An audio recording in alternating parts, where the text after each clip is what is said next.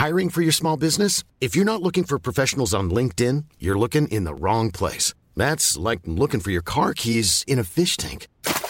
LinkedIn helps you hire professionals you can't find anywhere else, even those who aren't actively searching for a new job but might be open to the perfect role. In a given month, over 70% of LinkedIn users don't even visit other leading job sites. So start looking in the right place. With LinkedIn, you can hire professionals like a professional. Post your free job on linkedin.com/people slash people today.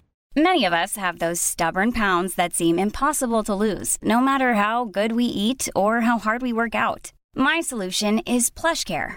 PlushCare is a leading telehealth provider with doctors who are there for you day and night to partner with you in your weight loss journey. They can prescribe FDA-approved weight loss medications like Wagovi and Zepbound for those who qualify. Plus, they accept most insurance plans. To get started, visit plushcare.com slash weight loss. That's plushcare.com slash weight loss. Hvordan er det mulig for en journalist å lage korte nyhetssaker om store, vanskelige temaer?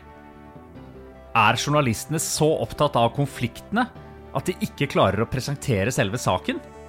Det lurer jeg på denne uken.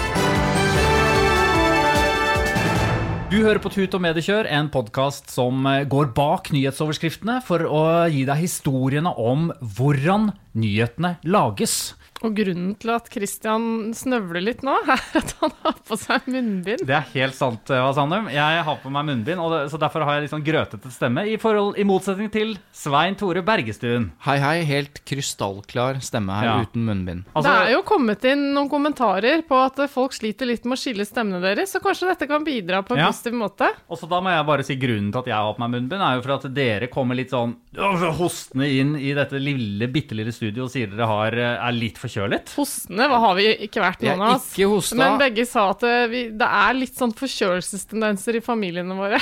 Ja, ikke sant? Og det er bare sånn uh, gre Tusen takk for at dere sa fram det tre minutter før disse mikrofonene ble skrudd på. Men vi vet jo at vi ikke har korona, Christian.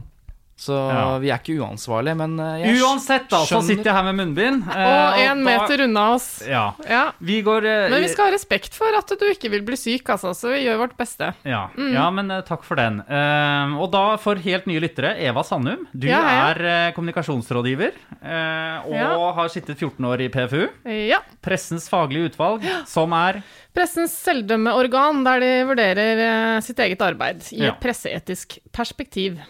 Kjempebra. Og Svein Tore Bergstuen, Hei, hei. du var elevrådsleder på Jevnaker ungdomsskole. Eh, det var jeg. Ja, For øvrig også på barneskole, hvis du eh, Ja, var det det? Ja. ja, Barneskole, ungdomsskole og videregående. ja. Det vil si videregående var det russepresident. Ja, ikke sant. Ja. Og i tillegg så nå er du kommunikasjonsrådgiver også, eh, forfatter, men tidligere også eh, journalist i mange år. Ja. Ja. Ehm, men du, når du var elevrådsleder, hvor, når du ble skikkelig måtte skulle banke gjennom en sak eh, og ble skikkelig sur eh, fordi det var det riktige, mente du. Hvordan, hva slags type ble du da? Nei, jeg kompenserte i min språkbruk og mitt kroppsspråk og hele Ar- min kraft. Vervende armer, som du gjorde nå? Ja, fordi jeg var så liten. Okay. Jeg var 1,52 høy til jeg liksom gikk i 8. og 9. klasse, så jeg var liksom minst. Så jeg brukte Jeg tror det er noe av grunnen til at jeg, at jeg havna der jeg havna. At jeg var vant til å hele tiden kompensere for min lave høyde ved å bruke kjeft. Eller, eller bruke språk, da, eller bruke argumentasjon og sånn. Så Dette ble jo plutselig en, filo det er en psykologipodkast. altså Ja, ja, det men er dette er helt åpen, helt åpen på det. At Ja. eh, jeg dro på noe grassat da jeg var liten, for å kompensere. Ja. Eva, du er jo veldig høy. fin overgang. bra. Fin, fin overgang. Jeg er, jeg er jo greit høy, jeg er ikke sånn kjempehøy. Har du vært eh, elevrådsleder? Eh, ja, Har du? Har du det? Ja, selvfølgelig er jeg det. Hvorfor har du ikke sagt det før? Hvorfor skal jeg si det? Ja, hva... Hvorfor står det ikke på CV-en din? Det står ikke på CV-en din. Jeg har vært o Operasjon Dagsverk-leder. Det er ikke elevrådsleder. Nei da. Det er bare Når var du elevrådsleder? Da spør jeg igjen. Har du vært elevrådsleder? Nei, jeg har ikke vært elevrådsleder, tror jeg. Jeg har okay. bare vært klasserepresentant. Ikke sant? Altså- du har vært uh, hentet melk, har du. Hva heter det? Og jeg har vært orden. ordenselev. Men hva er det vi driver med, da? Kan ikke sitte her og surreprate sånn som det der. Vi Nei. må på sak én. Det er så bra at Christian sier at vi ikke kan sitte her og surreprate. Det er bare han som starter surret hver gang han skal Ja, begynne å snakke om surr. Ja. Men det er Ja, greit. det er sant. Vi må inn på sak én. Ja. Uh, og det er eh, Svein Tore Bergestuen som er vanvittig sur uh, og sint. Uh, vær så god, Svein Tore. Det er inngangen. Jo, takk for Hva, det. hva har skjedd? Jeg har nok vært surere og sintere i mitt liv, men jo, nå skal jeg prøve å forklare. Dette er kanskje litt uh, rart at jeg irriterer meg over, eh, jeg, og kanskje er det komplisert òg, men, men la meg forsøke å forklare. NHO lanserte denne uka et veikart for fremtidens næringsliv. Dette er et langt arbeid hvor de da eh, prøver å skissere noen mål og noen løsninger for hvordan vi skal klare å skape 250 000 nye arbeidsplasser de neste ti årene. Og der handler det om grønn økonomi, det handler om eh, internasjonal økonomi, det handler om digital økonomi osv. Og så har de da i tillegg nesten 140 forslag til hvordan man kan komme dit. Mm.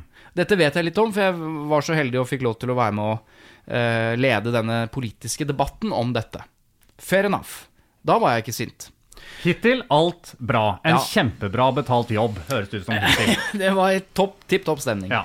Og så, eh, den morgenen, så lager Dagbladet en, eh, sånn som journalister ofte gjør, prøver å finne konfliktsakene. Og det fant de. For et par av de forslagene handlet om svekket stillingsvernet, om midlertidig ansatte, eh, typ privatisering. Altså de klare, de viktigste konfliktene mellom f.eks. NHO og LO. Venstre- og høyresiden i norsk politikk. Eh, og det er jo det, det, det skjønner man jo. Sånn blir det saker av. Men så kom Dagsrevyen på kvelden. Og så er det vel et eller annet med at man forventer noe av Dagsrevyen. At Dagsrevyen har en slags Fordi vi eier jo på et sett og vis Dagsrevyen. At de skal presentere sakene på en måte som gjør at de er forståelige og dekkende. Men så skjer dette. Hør her. NHO har laga en framtidsplan. Flere midlertidige tilsettinger, mer bruk av private tjenester, kutt i velferdsgoder og skattekutt. Det er oppskrifta NHO presenterte for toppene i norsk politikk. Planen er å skape 250 000 nye arbeidsplasser de neste ti åra, og NHO-sjefen vedgår at han starter en kontroversiell debatt. Tydelig, rett på, klart. Jeg som seer Ja, opplevde det sånn. nettopp. Hva var problemet? Jo, problemet er at hvis du sier at disse fire forslagene er oppskriften på hvordan skape 250 000 arbeidsplasser, det får jo ikke blitt mer feil enn det. Altså, husk på, dette var da altså Det er trukket ut fire forslag av 137, og kaller det en oppskrift. Du får jo ikke lagd noen arbeidsplasser av å kutte i velferden. Eller, altså Det er ikke noe oppskrift på å lage arbeidsplasser. Men det, dette var jo en del av de forslagene som handlet om å kutte for, fordi vi kommer til å få dårligere eh, råd, rett og Ja, slett. ja. Så poenget mitt er bare at når Dagsrevyen av alle presenterer en stor plan som fire av 137 forslag som en oppskrift, så er det rett og slett riv ruskende galt. Og da ble jeg sint. Og, det, og dette er jo en del av eh, det Det er derfor vi skal snakke om dette nå. Altså er det sånn at journalisten er mer opptatt av å jakte på den gode historien eller den pirrende overskriften enn å presentere hele, den hele, hele innholdet, den hele, hele saken. Ja. Ehm, men men um, Ja, da, så du mener det er et tendensiøst utvalg av eh, fakta, ikke sant? Jeg vet jo på dette tidspunktet ikke om intensjonen bak. Jeg vet ikke om Dagsrevyen gjør dette for at de vil liksom bare Her er Dette er det de krangler om, og la oss presentere det. La oss late som at det er det som er planen. Jeg tror ikke det var intensjonen. Men, men det irriterte meg at Dagsrevyen kunne presentere noe som er fire av 137 forslag som oppskriften. Så, og, så, og så snakket jeg litt om dette, og, øh, og så lurte jeg på er, er det bare jeg? Liksom, er, er, jeg, er jeg for dypt inni dette her? er det bare du jeg, som er eh, Ja. misfornøyd med at ingen fikk med seg hva du faktisk sa der på scenen? Nei, når for du det ble der? ikke nevnt i Dagsrevyen at eh, dette var noen av 100 og Nei. et eller annet Nei. punkter. Nei. Dette var oppskriften. Ja, ikke sant. Og det er det som er hele forskjellen. Men jeg, Det er jo men, en ganske betydelig forenkling. Ja, tenker du ikke det?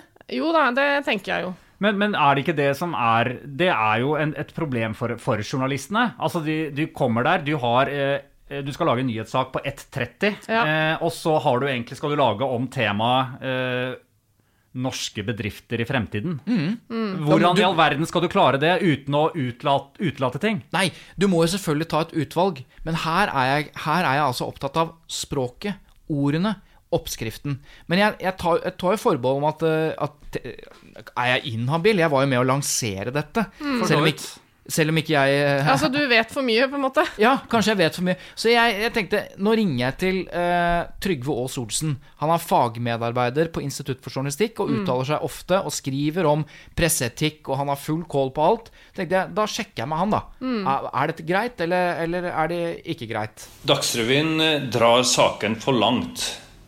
Eh, De har neppe grunnlag for å si at eh, midlertidige ansettelser, bruk av, eh, eller mer bruk av private tjenester, kutt i velferdsgoder og skattekutt er oppskriften for å skape eh, 250 000 nye arbeidsplasser. Det er jo riktig at NRK, unnskyld, NHO foreslår dette, men, men oppskriften inneholder mange andre ingredienser også. Så det programlederen sa her, er som å si at oppskriften på kjøttkaker er kjøtt. Ja, kjøtt må til, men eh, det er mye mer også. Altså, Det er greit at Dagsrevyen tar ut punktene om midlertidige ansettelser, mer bruk av private tjenester, kutt i velferdsgoder og skattekutt fra denne planen, og bestemmer seg for å lage journalistikk om dette. For det skal journalister gjøre. De skal velge ut eh, den delen av en sak de mener er mest interessant og viktig. Og Det er jo uansett umulig å presentere hele NHOs rapport med hva var det, 137 anbefalinger på Dagsrevyen. Men det som ikke er greit, det er å framstille det som om kutt i velferdsgoder, skattekutt osv. er hele oppskriften. Altså som om rapporten ikke inneholder noe annet enn dette. Det syns jeg er ugreit. Så ja, han er jo Hvem var, det, enig. her- hvem var dette igjen? Trygve Aas Olsen, fagmedarbeider ved Institutt for journalistikk. Ja, akkurat. Tidligere journalist. Ja. Og, og, og han sier det er som å si at oppskriften på kjøttkaker er kjøtt. Nei, jeg vil si at det er som å si at oppskriften på spagetti bolognese er basilikum. Jeg mener, ja, men det er, Så krass har du Ja, aldri vært, Svein Tore. Nei, eh, smak litt på den. Ja, ja, ja, jeg smaker og smaker. Og det smaker jo ikke godt. Jeg tror ikke engang det er vanlig å ha basilikum i. Jo, jo, på toppen. Er det det? Ja, på toppen. Men det sier jo veldig lite om retten. Eh, så det er, så Det, det er, og det eh, er så hard kritikk, vet du. Men, men, så spør, men, men dette er jo, som du sier, Christian, er det ikke dette journalister skal gjøre? Å, å ta noe De kan jo ikke presentere alt, ikke Nei, sant? nei, og, det, og det spurte jeg altså Trygve om. Altså det, hvordan balanserer journalister For å gå opp til åpningen din, da. Hvordan balanserer journalister det å skape overskrifter og konfliktstoff med å faktisk klare å balansere det med å presentere fakta og innholdet? Hele saken. Ja. Ja, det er som du sier, at eh, tabloid journalistikk, eller egentlig ganske normal journalistikk, eh, åpner for at du kan eh, bruke et lite fragment av en sak for å illustrere et viktig poeng, eller skape debatt om det som du som journalist mener er kontroversielt i saken. Men hvis det lille fragmentet du tar ut, da, gir et skjevt bilde av saken, så må du også vise fram eh, en større del av bildet. Eh, den saken vi snakker om her, kunne jo vært presentert slik, f.eks. NHO legger fram en plan eh, med 137 punkter for å skape flere arbeidsplasser osv. Noen av disse punktene er kontroversielle. For arbeidsgiverne vil ha middel, flere midlertidige ansettelser. De vil ha mer bruk av private tjenester, kutt i velferdsgoder og skattekutt. Ikke sant? Hvis programlederen hadde holdt seg til, til, til å si at noen av disse punktene er kontroversielle, så kunne NRK eh, kjørt en sak om disse punktene, som de jo gjør, ikke sant? Ja. Ok, så NRK burde ha for omformulert seg her og presentert måte, mer av historien eh, enn det de gjorde. Nei. Eller de kunne bare sagt at dette er det vi velger å presentere, men poengtert at dette er en del av det. Det er ikke oppskriften. Ja, der har man jo egentlig løsningen. Ja. Ja, ja. Men Eva, gjør NRK noe galt her? Altså Hvis man skulle følge da på en måte reglene til, press, til journalistene, altså Vær varsom-plakaten? Ja, altså, hvis, altså Pressen skal jo gjengi det som skjer, og fakta. Så hvis de velger ut noe på en tendensiøs måte, så er jo ikke det bra. Hvis det, hvis de gir feil informasjon til seerne. Men, men det gjør de jo ikke. Det er jo ikke feil informasjon. Nei, men det er sånn klassisk sånn plukke ut noe og legge det frem som helheten. Det blir jo feil. Eh, men eh, det som er, altså, i presseetikken så er dette her sånn typisk problem. Fordi at det, det, presseetikken kan bli litt sånn teoretisk. Eh, sånn at det kan bli vanskelig å ta en sånn sak som det her på et punkt, da. Ikke sant? For eksempel så er det et punkt som sier at du skal sørge for at overskrifter eh, ikke går lenger enn det er dekning for i stoffet. Men det som er interessant med denne saken, her, er jo at eh, i stoffet, altså i selve nyhetsreportasjen, så fortsetter de å snakke om at dette er oppskriften, disse tre punktene. Ja. Så ikke sant, eh, da blir jo det punktet irrelevant, fordi at eh, overskriften sier jo bare det som nyhetssaken sier, og da er på en måte Ja, sånn, ingenting feil gjort. Nei. Det er sånn Eh, minus og minus i pluss. Ja. Og så, og så blir det jo liksom eh, faktasjekk, da, for eksempel, som er et annet punkt i Vær varsom-plakaten, om at du skal kontrollere at opplysninger som gis er korrekte. Så kan du liksom diskutere er dette korrekt. Ja, det er jo ikke feil, for dette er jo punkter som eh, NHO har lagt frem, men det er bare noen punkter til diskusjon eh, liksom opp mot veldig Ja, mange andre flere punkter som de ikke nevner, da. Jeg mener kanskje det punktet er mest relevant, da. For selv om de fire punktene er riktig, så presenteres det som en oppskrift, og da blir det feil. Ja, det og da mener jeg det kan gå på det punktet med fakta, da. Ja, det kan gå på det punktet med fakta. Og så er det jo hele det generelle punktet som brukes veldig mye i presseetikken, som er legg vekt på saklighet og omtanke i innhold og presentasjon. Ja. Og det brukes jo oftere om liksom, når noen er eh, blir offer for omtalen og sånn, da, men det er jo noe med at liksom eh, det- det- Innhold og presentasjon her er jo på en måte misvisende, da. Jeg Men tenk, ja. Det er jo ikke saklig, kanskje. Nei, Nei. men jeg, bare, jeg får sånn veldig sånn følelse av at uh, her er det egentlig Svein Tore som sitter og, og driver og fikler med ett ord. At han er veldig misfornøyd med at det er et eneste ord som mangler. Ja, men det i- er ofte ett ord. Ja. Som er problemet når det er snakk om presseetikk. For det, det kan være bitte, bitte ja. konnotasjoner og liksom folks oppfatning av hva som var hva ligger i et ord. Konnotasjoner? Hva, er det feil? Nei, jeg bare Kanskje du Ja, skal forklare hva det betyr? Nei, men, Hva er det, da? altså, Hva er det, Eva? nei, det klarer jeg ikke å gjøre på stående fot. Gjør det ikke? Nei, Nei, da må altså- du google det, da. Skal vi Ja, altså Den som, den som tar ut et ord i, i podkasten, må forklare hva det skal betyr. Nå skal jeg gi deg en skikkelig god Noen ord settes sammen på en måte som tolkes i en retning av en, uh, av en leser. Eksempel da Sofie i Giske-saken sa 'så ble det litt mye'. Ja. Det kan jo bety så mangt, men i den sammenhengen det ble presentert, så ble det oppfattet av så å si alle som leste VG, og visste hva VG var ute etter å formidle her, at eh, hun refererte til at eh, Giske var litt mye. Det er jo bare eh, Et ord. et ord eller en ord. liten setning som, eh, som skaper en veldig viktig betydning i hele den saken, da. Ja, og da, og, og- men, jeg, men jeg skal innrømme Christian, at jeg også begynte å tenke på når jeg hissa meg opp øh, og så etter hvert ble rolig eh, Er det bare jeg som driver og, og rører her? Så jeg spurte også Trygve om det. Er, liksom, er det ordkløyveri jeg driver med, eller hva, hva er det? Altså, ord er jo det viktigste i, i journalistikken. Eller språk, da. ikke sant? Det er vårt eh, Vi som er journalister, har, det er vårt vir viktigste virkemiddel og verktøy. Det vi skal gjøre, er å fortelle om virkeligheten på en så eh, sann måte som mulig. Og det er klart at eh, det vi har for å framstille dette, det er ord og bilde. Og, og her har man jo ikke, I den saken her da, så har man ikke noe bilde som, som viser NRK, NHOs rapport. Eh, ikke sant? Så man må bruke ord. Og hvis de ordene er misvisende eller, eh, eller feil eller gir et skjevt inntrykk, så ja vel, så burde man ha valgt andre ord. Det, man kan ikke si at det er bare ord. Altså Da sier man på en måte at journalistikken er verdiløs, for den, den inneholder jo stort sett bare ord. Ja, så Ja. Christian, det du sa i stad, det, det Er, jeg er verdiløs, er, er det ikke det? du, da, men da mener du at journalistikken er verdiløs?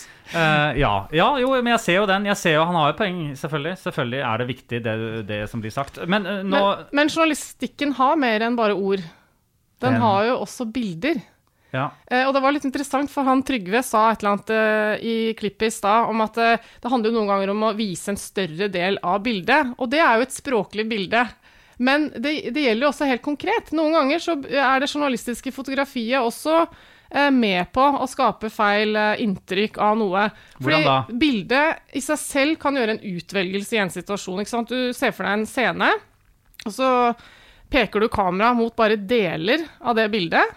Og det kan jo gi helt feil inntrykk ikke sant, av Mm. noe som skjer. Nå kommer jeg ikke i farta på, ikke sant? det er bare at man utelater et menneske i situasjonen, f.eks. Har du et eksempel? Eh, Eh, nei. Bra, da går vi videre.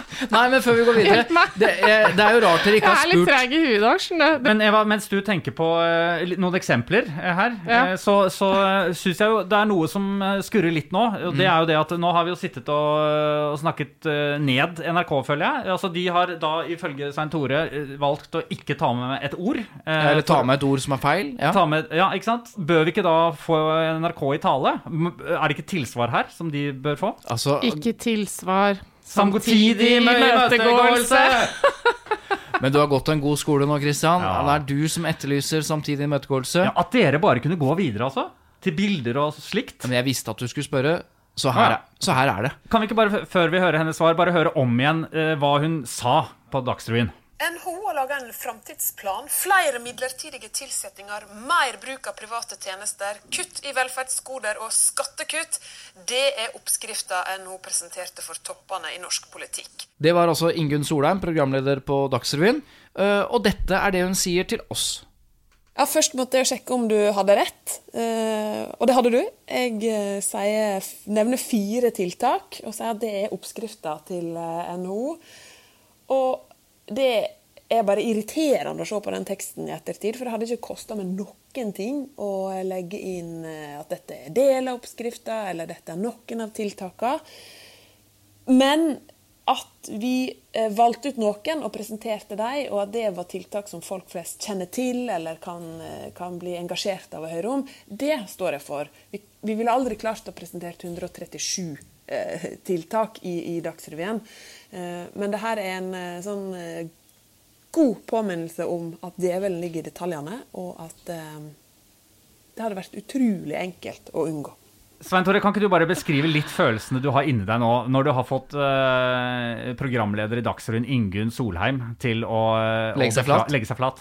Nei, det må jeg Det er nok ikke helt sånn som du tror.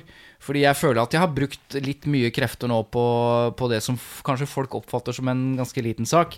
Eh, Jeg var aldri i tvil om at eh, Ingunn Solheim, som jo er en veldig veldig redelig journalist, for det første ikke hadde intensjonen om å late som dette var oppskriften for å lure folk. Jeg visste at dette var en lettvinthet eller en unødvendighet. Så det er ikke noe sånn, det er ikke noe sånn Nei, endelig får vi noen til å innrømme noe. Nei, jeg syns det var veldig ryddig, og jeg har en følelse av at eh, nå er vi ferdig med den saken. Ja, men det er jo greit. Nå fikk vi Ja. Eva, er du stolt av Svein. Tore siden uh, Ingunn Solheim sa dette her? Ja, men altså, Vi har oppfordra våre lyttere til å reagere og si fra når de syns eh, ting er feil, og nå går Svein Tore frem som et godt eksempel. Så du som hører på nå, opplever du noe feil? Noe som du føler er eh, dårlig eh, beskrevet eller eh, illustrert i eh, norsk presse? Si fra til oss. Ja, og det må jo ofte være de involverte som gjør det. Og, og dette, er, Hva som havner i PFU, det er bare toppen av isfjellet. Veldig ofte så blir jo disse sakene løst akkurat sånn som nå. At uh, noen i en redaksjon blir gjort oppmerksom på at dette her var ikke helt riktig. Og så sier de jammen, nei, det var det ikke. Vi retter. Liksom. Det skjer jo veldig ofte, det. Det er jo ikke alltid det blir en svær uh, uenighet eh, rundt ting. Men når du sier det, at er det noe annet som er feil, si fra hvis det er feil. Vi kan vel gli rett over i en sak som kanskje enda flere har reagert på. Og når jeg sier enda flere, så flere enn én, altså jeg. Og det er jo denne eh, VG-saken, eh, hvor med bilde av den nyvalgte lederen av eh, Trøndelag Arbeiderparti, Ja. eh, Kjerkol, som, fei, som visstnok ifølge VG feiret med Giske. Eva, dette bildet som var av eh, Kjerkol og eh, Giske, eh, det er kanskje et eksempel på sånn bilde som du ikke kom på litt tidligere i, episoden? Ja, for jeg reagerte i likhet med veldig mange andre morgenen etterpå at hun var på nyhetene på NRK radio, og så kritiserte hun den saken nettopp fordi hun opplevde at det var veldig sånn feil fremstilt, da. Eh, og så gikk jo den andre kvinnen rundt bordet på dette bildet også ut eh, dagen etterpå. Og bare for å beskrive dette bildet, altså det, er bilde av fire mennesker rundt et bord. Eh, så er det en iPad der, to nesten tomme ølglass eh, og et glass vann, en halvspist pizza, og en flaske antibac. Og de sitter, det ser ut som det er på et kjøpesenter, liksom, Ja. eh, rundt et bord. Fire, er fire stykker. Ja. Ja. Dette minner jo om eh, Dette er jo Trøndelag. Det minner jo om Åge Aleksandersens fire øl og en pizza. Så det var en mening med det bildet? i Det er den veldig rart at ingen eh, tabloide journalister har sånn, brukt fire øl og en pizza, eller Er det ikke det den heter? Fire øl, Fire øl og en pizza. Er det Å, ikke det? ja, jeg tenkte på fire bygg og en Coca-Cola. Ja, altså det er mange assosiasjoner til bildet. Men i hvert fall, bildet er jo da, med tekst, er jo at hun feiret seieren med Giske. Ja. Ja, Og så viser ny det seg at, Ny konflikt. Hun er en del av problemet, Ja, ja. og er akkurat valgt. Ja, hvorfor kvitte seg med. Giske når du, når du bare Når setter inn noen som feirer med han? men det var jo nettopp altså, leder for valgkomiteens store, eh, store tale handlet om, altså på årsmøtet. At det var noe gærent med henne også? Ja, men det- altså, at, han var, at hun var en del av Giske. Ja, Ja. og så har hun, jeg har sett hun har gått ut uh, i en eller annen Dagbladet-sak også og prøvd å poengtere at jeg er ikke en Giske-venn og sånn, ikke sant. Så det blir jo, for det er veldig belasta akkurat nå å, å være en venn av Giske hvis du skal prøve å være med på opprydningsarbeidet i Trøndelag Men- Arbeiderparti. Men poenget hennes er jo at uh, dette er ikke sånn situasjonen var. Det er feil fremlagt. Ja, bildet er tatt. Det er et dokumentarisk, eh, journalistisk fotografi. Du kan ikke ikke nekte for at hun var der. Nei, det er ikke manipulert. Nei. Situasjonen var sånn. Men den er på en måte misvisende, sånn som det legges frem. da? For at eh, Etterpå så har det blitt forklart at eh, noen møtte noen utenfor. De skulle gå og ta seg en pizza mens de liksom oppsummerte dagen før de skulle kjøre hjem hvert til sitt osv. Og så hadde denne andre kvinnen på bildet, som jeg tror er, eh, var tidligere nestleder i Trøndelag Arbeiderparti, May-Britt Lagesen, hun hadde møtt på eh, Trond Giske som sto alene utenfor eh, når de skulle inn og ta seg et pizzastykke, og liksom tenkte at her står han som akkurat har tatt farvel med Arbeiderpartiet, liksom. Eh, spurt om han skulle bli med inn og, og liksom ta en liten oppsummering før han skulle kjøre videre, han òg. Litt sånn her ting bare skjedde, og så plutselig var de en gjeng, og så kommer da eh, Kjerkol, eh, som har avtalt eh, å møte mannen sin, og med noen VG-journalister på slep, og har sagt ok, dere kan få ta et bilde av meg når jeg liksom feirer eh, dagen hvor jeg vant eh, dette valget. Men så, men så blir det liksom lagt fram som at det, dette var en del av en stor feiring og sammen med Giske. ikke sant? Og jeg skjønner jo at det, det For eh, etterpå så fikk hun lov å si til avisa eh, at eh, han var der i ti minutter, og så var vi der i 20 minutter til, og så dro alle. Men mener du, Eva, at, eh, at VG burde ha skrevet det akkurat sånn som du fortalte gjennom hele historien nå? Er det det du vil ha? Nei. Nei, men det er bare et eller annet med at uh, uh, De lager en sak It's that time of the year. Your vacation is coming up. You can already hear the beach waves, feel the warm breeze, relax, and think about work. You really, really want it all to work out while you're away.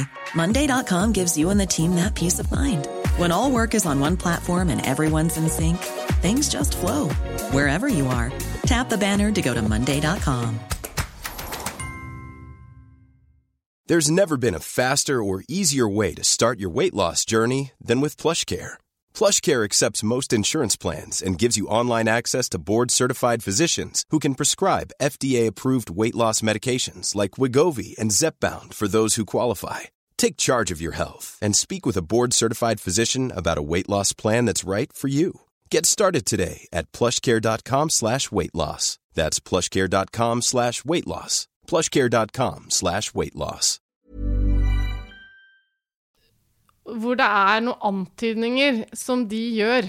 Ikke sant? Og alle er uh, veldig klar over hvor uh, flinke VG har vært til å hele tiden dokumentere hva som foregår uh, med Giske rundt omkring, hvem han møter og hva som foregår på diverse utesteder og sånn. Så det bare det bare Nei, jeg vet ikke. Det er, hva er denne saken, egentlig? Ja. De, eh, testen på dette er jo hvordan oppfatter folk det. Jeg oppfattet det eh, når jeg så det som Ja, der har de litt klønete at Ingvild Kjerkol nå går og fester med Trond Giske. Når hun først skal feire dette, hvorfor Altså, tenkte jeg. ja, jeg tenkte akkurat det samme. Nettopp. Så viser det seg at eh, for det første, det var ingen feiring. Mm. Det var ingen feiring. Det var tilfeldigheter, eller om det ikke var tilfeldigheter, så, så var det bare et lite øyeblikk. Det var altså i hvert fall ikke med, i trøndersk betydning feiring. En annen som reagerte på dette, var en uh, venstrepolitiker som gikk ut på Twitter og bare 'for en gjeng', liksom. Altså litt samme reaksjonen. Der sitter de og feirer, og skjønner ikke bæret, liksom, hva slags inntrykk eller hva slags eh, etterlatt inntrykk det skaper hos resten av gjengen, liksom. Så alle som leste dette, oppfattet dette som det egentlig VG kanskje ville eh, at folk skulle oppfatte, da. Og så var det, så var det ikke sånn. Eh, la oss ta en eh, test på det, da. For jeg eh, spurte også Trygve Aas Olsen, fagmedarbeider på Institutt for journalistikk, om dette. Henger disse tingene sammen? Altså fremstillingen av oppskriften til NHO, som vi snakket om, og denne feilaktige framstilling av feiring. Det, henger dette sammen? Men du, Svein Tore, før du spiller av det, så vil jeg bare si en ting om? For det hun Kjerkol også forklarte, var at da hun kom til situasjonen med VG på slep, så, så, skjønte jo sikkert hun også at det kanskje ikke det er så lurt av meg nå å bli fotografert med Giske, for det kommer uansett bare til å se feil ut. Jeg visste at han satt der, men hva, hva får jeg gjort med det nå og sånn?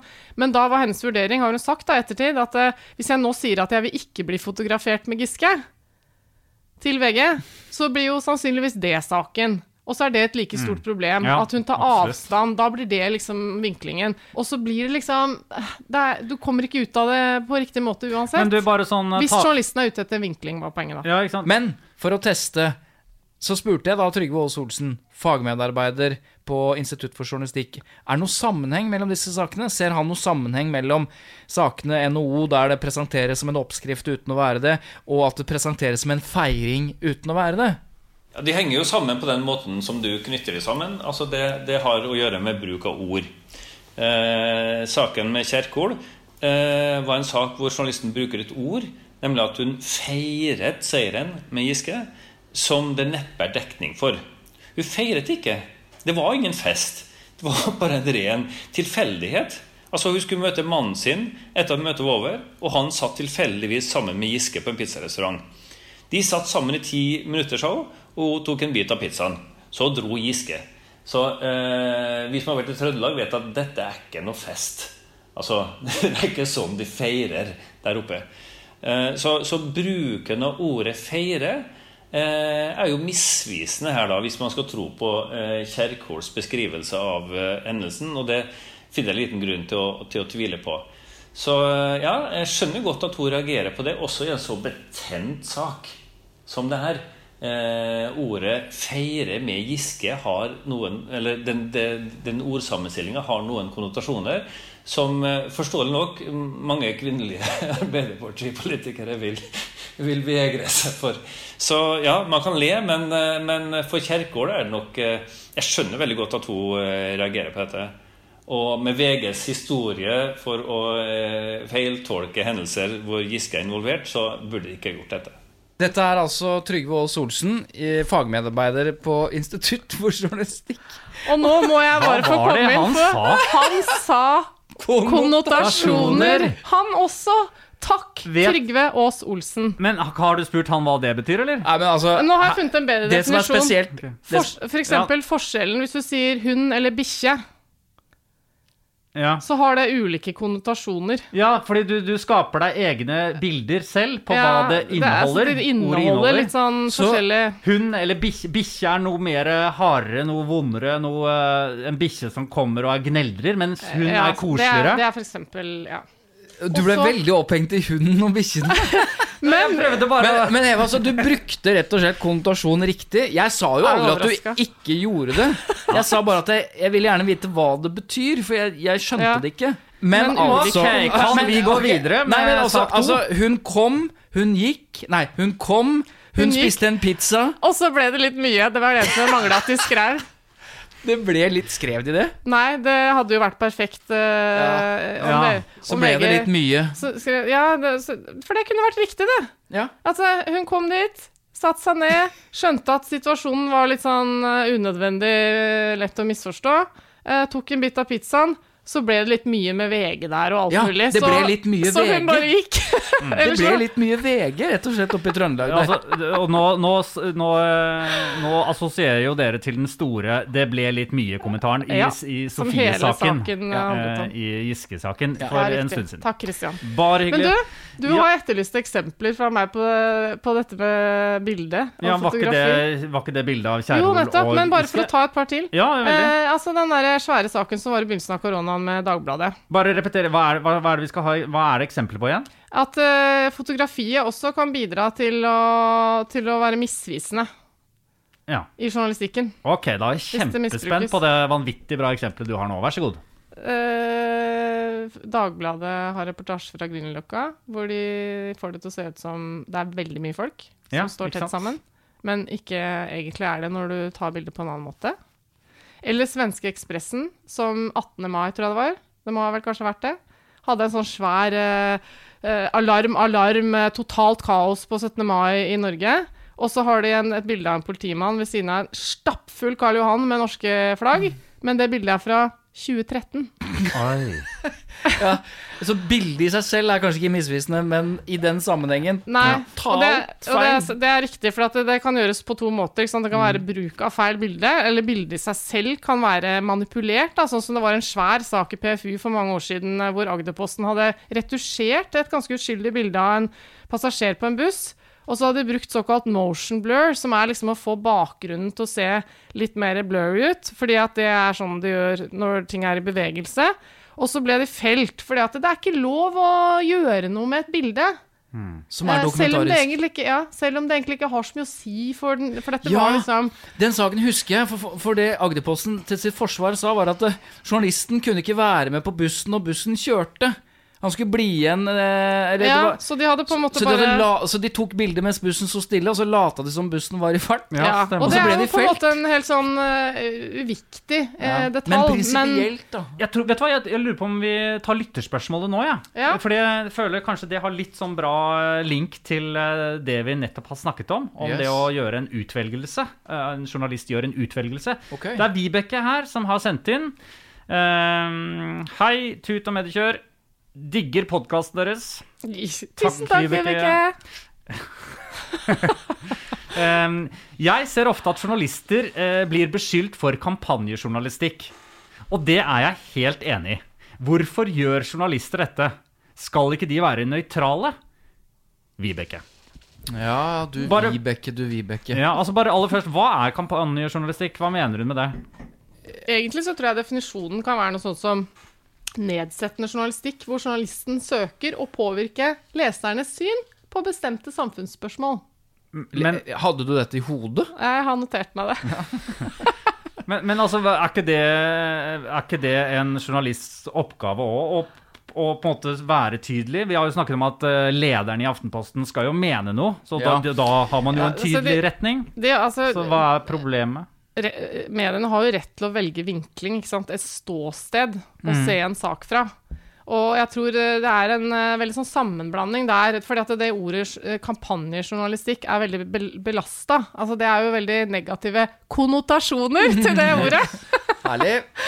Eh, mens, uh, mens det med å velge eh, vinkling er jo en åpenbar ting som PFU og alle som kan presseetikk og som sier at det har jo et medie rett til. Men Ja. sånn som hun uh, fremstiller det, eller sånn som hun bruker kampanjejournalistikk, er jo ofte sånn som vanlige folk bruker det, altså en negativ forstand. Altså når, eh, når mediene, eh, ofte kanskje i flokk, men i hvert fall biter seg fast i noe og driver en slags type negativ kampanje, da. Eh, eh, med journalistikken sin. Altså, eh, jeg, jeg, jeg vet jo at mange av, siden vi har nevnt han i nesten alle episoder, mange i Giskes leir mener jo at VG har drevet en slags kampanjejournalistikk i tillegg til å drive vanlig metoo-journalistikk. Og det er mange som blir utsatt for kritisk journalistikk, som bruker det begrepet. Det er en kampanje mot meg. Og som regel er det ikke det. Eller jeg kan ikke komme på veldig mange tilfeller der man kan si liksom at dette er en negativ kampanje, og det er derfor de lager journalistikk på det. Men jeg opplever at det totale medietrykket som VG og Dagbladet, NRK Nettavisen og alle måte, eh, Altså resultatet av det trøkket kan jo også virke som en, som en kampanje. Altså når mediene går i blodtåka og liksom bare Det er bare dette som de eh, snakker om. Det gir seg ikke før en går av. Nei, og det er typisk sånn politiske saker som blir betente, ikke sant? Da er det sånn, nå er det alle mann til pumpene for den statsråden her. Hvis ikke legger, hun eller han legger seg flat eh, fort nok, så bare finner vi masse saker. Var det kampanjejournalistikk mot Hurtigruta, f.eks.? De ga seg ikke på tørre møkka før liksom Hurtigruta ble seende helt ko-ko ut. Men det var vel strengt tatt Hurtigruta selv som klarte å se ko-ko ut. Det var ikke journalistikken. Så Så det er, det, det er nok det som i hvert fall oppfattes som kampanjejournalistikk, er at det blir høyt trykk, og at man har veldig mye eh, fokus og, man, og mye, mye krefter brukes på den saken. Man kan føle at eh, mediedekningen da har ett mål, og det er at noen skal gå. Ja, Eh, er, men det, det er lurer jeg litt på. Er det sånn noen ganger at eh, på, i redaksjonsmøtene er det, er det noen tanker som kommer opp noen ganger? Det vet du hva, det spørsmålet der har jeg så lyst på et svar på. Jeg skulle ønske vi kunne gjøre en markedsundersøkelse hvor det var mulig å få folk til å svare ærlig på det. For at jeg personlig har selvfølgelig en sterk mistanke om at det er veldig gjevt eh, i pressekretser. eh, Og har bidratt til en statsråds eller en En næringslivsleders konkurs. Eh, avgang. Altså, jeg, jeg, jeg har et bilde i huet av at på pressepuben så er det liksom sånn skål og applaus når det skjer. Ja, eh, La hvis det er et resultat knerte av noen myter, Tidligere da. journalist og programleder i eh, alle forskjellige ting. Svein Tore Bergestuen, hva er det dere tenker? Nei, for det er forskjell på hva man tenker, og hva man sier og gjør og legger opp journalistikken etter.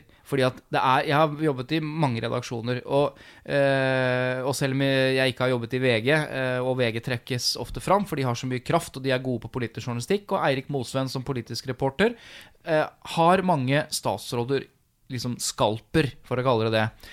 Og når jeg bruker det begrepet, så er det litt eh, bevisst, fordi at det er ikke sånn at eh, at på redaksjonsmøtene eller, eller eh, i diskusjon blant journalister så snakker man om nå skal vi jammen eh, jobbe skikkelig og lage masse journalistikk som viser at eh, det eneste resultatet er at han må gå. Det er bra. Sånn snakker man ikke. Men at noen tenker på konsekvensene av journalistikken. Det er klart at en journalist vil kunne la seg fyre opp og la seg motivere av tanken på at resultatet av journalistikken er at faktisk en statsråd må gå. Men ikke bare å gå. Da er det fordi at journalistikken viser at det er riktig.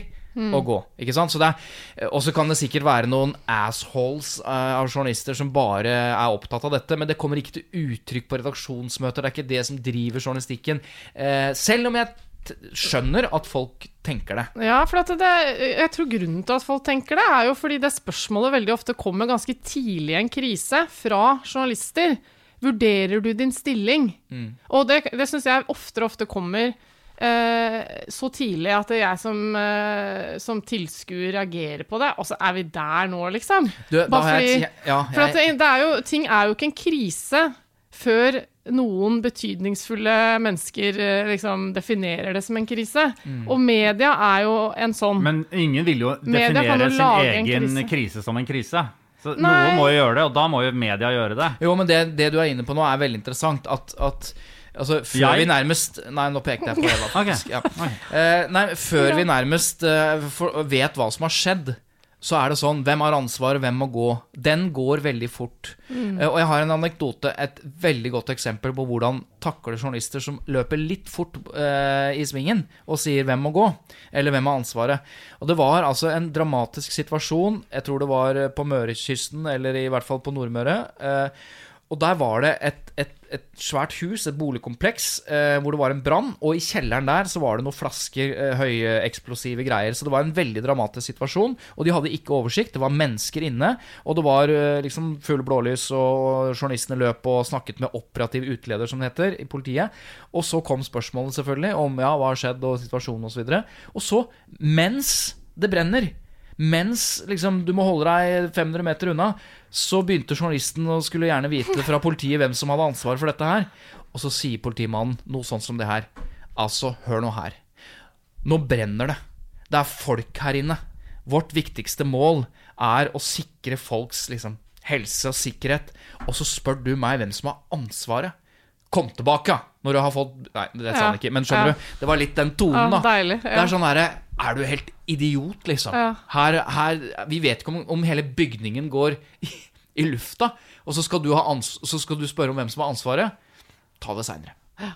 Det var litt sånn eh, hersketeknikk også, ville jeg tenkt. Nei, jeg heier på det svaret i eh, en sånn pass for situasjon. Han. Ja. Dere, vi, eh, Vibeke, jeg håper da at vi Det er ikke noe der ute som er noe sånn helt Det virker ikke som det er noe der ute som er sånn Yes, nå skal vi gå inn for å få uh, hun eller han eh, avsatt eller uh, banket opp. Uh, Men, jo, men, altså, ja, det, det er men det kan virke sånn når den hele bildet av eh, saker som Men på ett popper opp felt, på ett felt så kan man kanskje si at uh, metoo eh, er jo en form for kampanjejournalistikk, i positiv forstand, da. Sant? Der, der kan, Eller negativ, hvis du spør Giske. Ja, ja, men, kan- men man kan si at uh, eh, hvis en samlet presse tar på seg ansvaret da, for å bringe et stort samfunnsproblem eh, ut i lyset, så er det liksom kampanjepreget. At de liksom leter etter de sakene og alltid tar varslernes vinkel og, og liksom vi tror på varslerne sånn. Jeg vet ikke, det er, det er en slags form for eh, positiv Ja, Rett mulig- bortsett fra det siste der, at man i utgangspunktet tar et feil- Ja, ja jeg tror på varslerne, men jeg er enig, og, og det ble sagt fra enten en av de store avisene, eh, og, det, og jeg tror det var VG, som lagde kampanjejournalistikk. Altså etter eget utsagn også. Altså man, man brukte den positive betydningen av ordet som du nå trekker fram, Eva, Mm. og det handlet om vold mot kvinner. Altså en, en, et kjempestort samfunnsproblem som jo dukker opp her og der med noen sjalu ektemenn som tar livet av kjærestene sine, og det er grusomt. De fleste partnerdrap er jo Eller fleste drap er partnerdrap. Så tar de opp dette i stort og fullt monn. Kjempekampanje som jo bare er positivt. At man, at man driver undersøkende journalistikk på det og det. Så kanskje eh, skal man bidra til at kampanjejournalistikk får en mer en, en, bedre, en eh, mer positiv betydning, da. Men du, bare for å, bare for å kverulere litt på en ting. Mm. Når du sier bortsett fra det ene punktet hvor de kan jo ikke si at de tror på varslerne. Mm. Men eh, eh, det gjør de jo. Nei, altså Ja. For, jo, kan, altså hvis du, hvis du ser en sak som var stor i forrige uke, da, med kilde i Adresseavisa som står frem, Mm. bare helt objektivt, bare liksom eh, Som står frem med sin historie om eh, seksuell trakassering fra Trond Giske. Mm. Det er jo ikke et formelt varsel, det er ikke levert inn noe sted. Det er ikke, det er ikke noe rettssal. Det er, liksom, det er hennes historie som hun legger frem. Eh, eh, mot en navngitt person. Hun er navngitt, Trond Giske er navngitt, riktignok, så det er et bra utgangspunkt, liksom. Mm. Eh, men eh, den som ble anklaget, bestrider jo og sier at dette er sprøyt, det er løgn. Mm.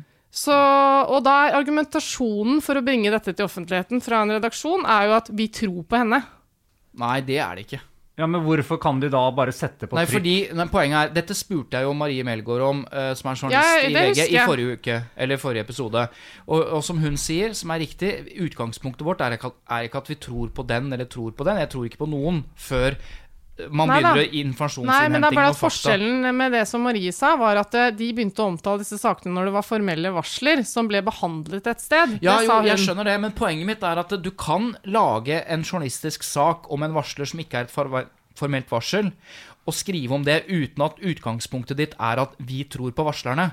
Jeg, det er ingen journalist eller redaktør som kan starte en metoo-sak med det samme som arbeidsgiveren kan starte med, nemlig 'vi tror på varslerne' som et utgangspunkt. Det kan ikke journalister gjøre. og jeg Nei, mener nei, at... det, det Jeg mener ikke at de gjør, gjør det i den saken her heller. Jeg mener at eh, de Man kan diskutere om det er riktig De å formidle vurderer vel kilden i det tilfellet som Ja. troverdig.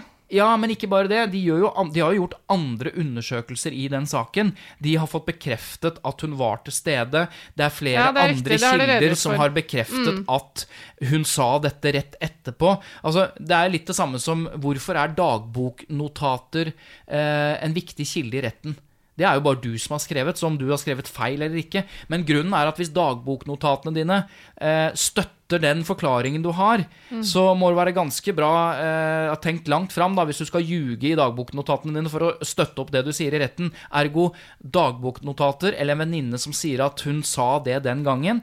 Det er da kilder og fakta som samles inn, som til sammen utgjør en troverdig historie, som i, til slutt gjør at redaktøren sier dette er godt nok. Vi har sjekket dette godt nok til å sette det på trykk. Så, så det hadde på en måte ikke holdt å bare ta den eh, Sandra-historien? Nei, for da er det enkildejournalistikk. Hvis ikke det hadde vært mange andre saker i, i, i, etter, i forkant, da. Nei, det er ikke det jeg mener. Det kan gjøre så, som setter liksom et bilde. Nei, det er ikke det jeg mener.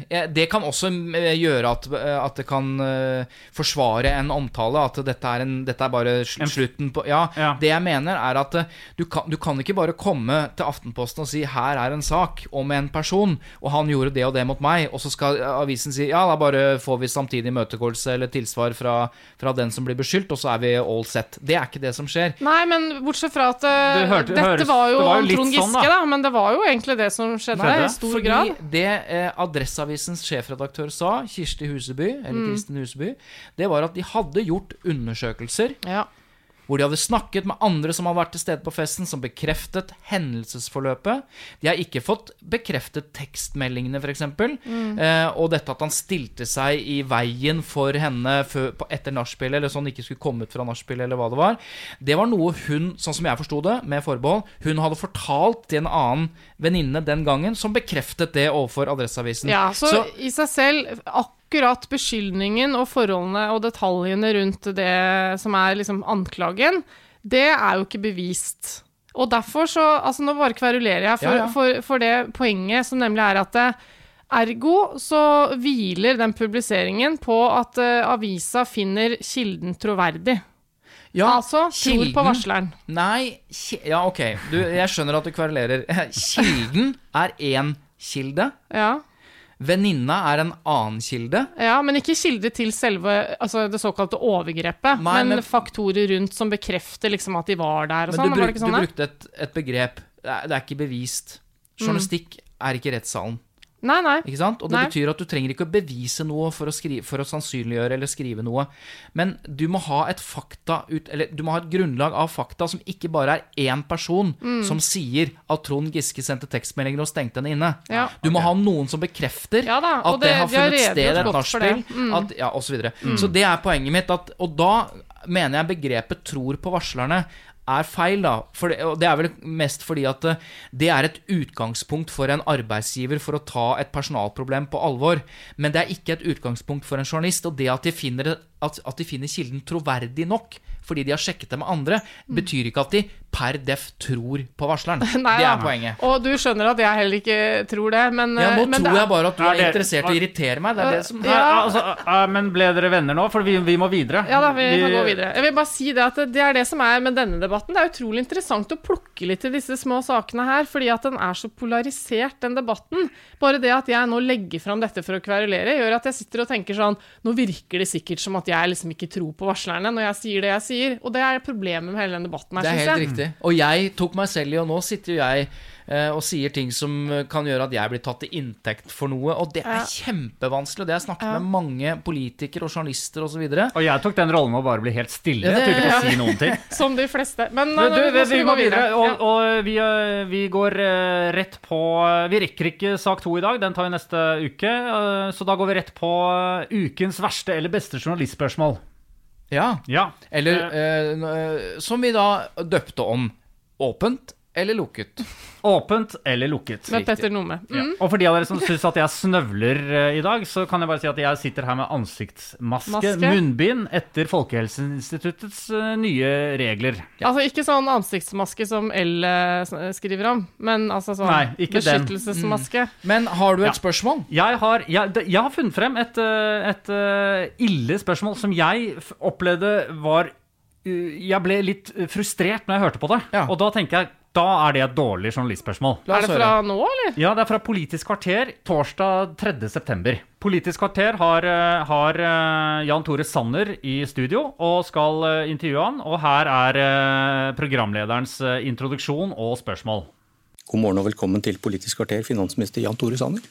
Tusen takk, og riktig god morgen. God morgen. Eh, Stortinget ville altså fjerne mulige interessekonflikter mellom en oljefonds private investeringer og oljefondets investeringer. Og Nicolai Tangen svarte da, som vi husker til slutt, med å kvitte seg med alle sine aksjer. Og har nå startet i jobben. Denne har denne konflikten svekket omdømmet til Norges Bank? Ja, det er det ikke så lett å ha veldig klare oppfatninger om. Men det jeg sa både til sentralbanksjefen, og som jeg også sa på den pressekonferansen som du viste til, det er at den langvarige eh, debatten den påvirker selvsagt eh, omdømmet. Har denne saken svekket omdømmet til Norges Bank? Ja.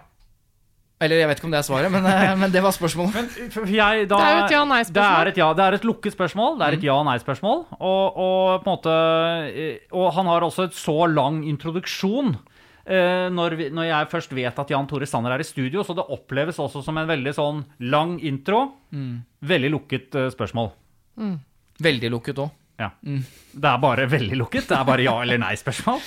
Ja, altså det er, det er et Men man um, veit jo at en politiker eh, klarer å ro seg videre til et lengre svar enn ja eller nei, da. Ja, og det er, her kommer det ikke et ja eller nei heller. Eh, svaret er 'det er vanskelig' eller osv. Si noe om, ja. Ja. Mm. Men det er et dårlig spørsmål.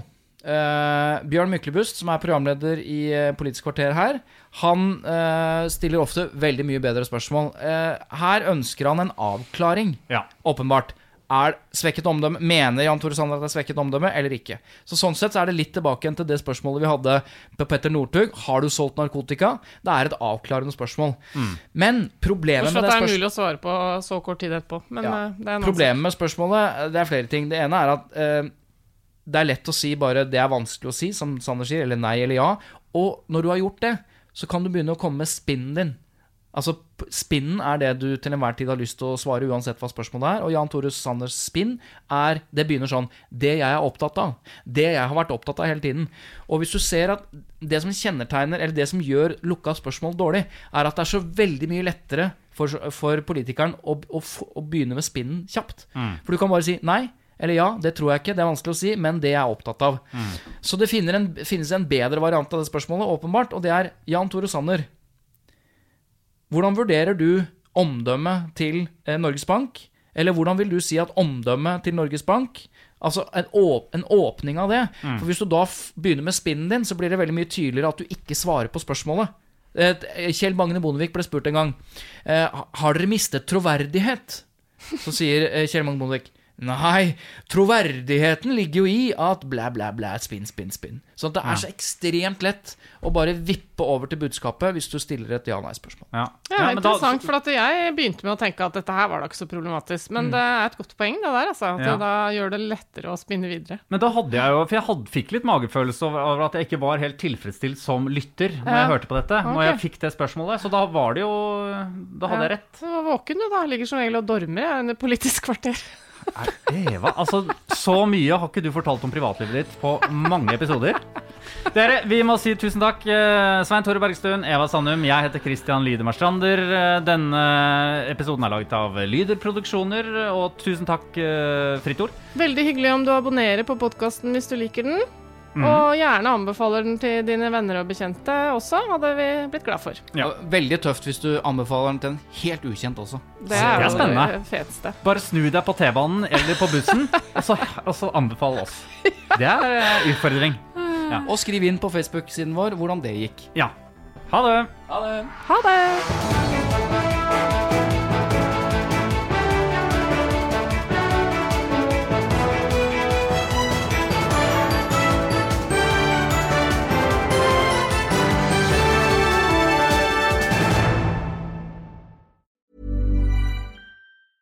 A lot can happen in the next three years. Like a chatbot may be your new best friend. But what won't change? Needing health insurance. United Healthcare Tri Term Medical Plans are available for these changing times. Underwritten by Golden Rule Insurance Company, they offer budget friendly, flexible coverage for people who are in between jobs or missed open enrollment. The plans last nearly three years in some states, with access to a nationwide network of doctors and hospitals. So, for whatever tomorrow brings, United Healthcare Tri Term Medical Plans may be for you. Learn more at uh1.com. Even when we're on a budget, we still deserve nice things. Quince is a place to scoop up stunning high-end goods for 50 to 80% less than similar brands. They have buttery soft cashmere sweaters starting at $50, luxurious Italian leather bags, and so much more. Plus, Quince only works with factories that use safe, ethical, and responsible manufacturing. Get the high-end goods you'll love without the high price tag with Quince. Go to quince.com slash style for free shipping and 365 day returns.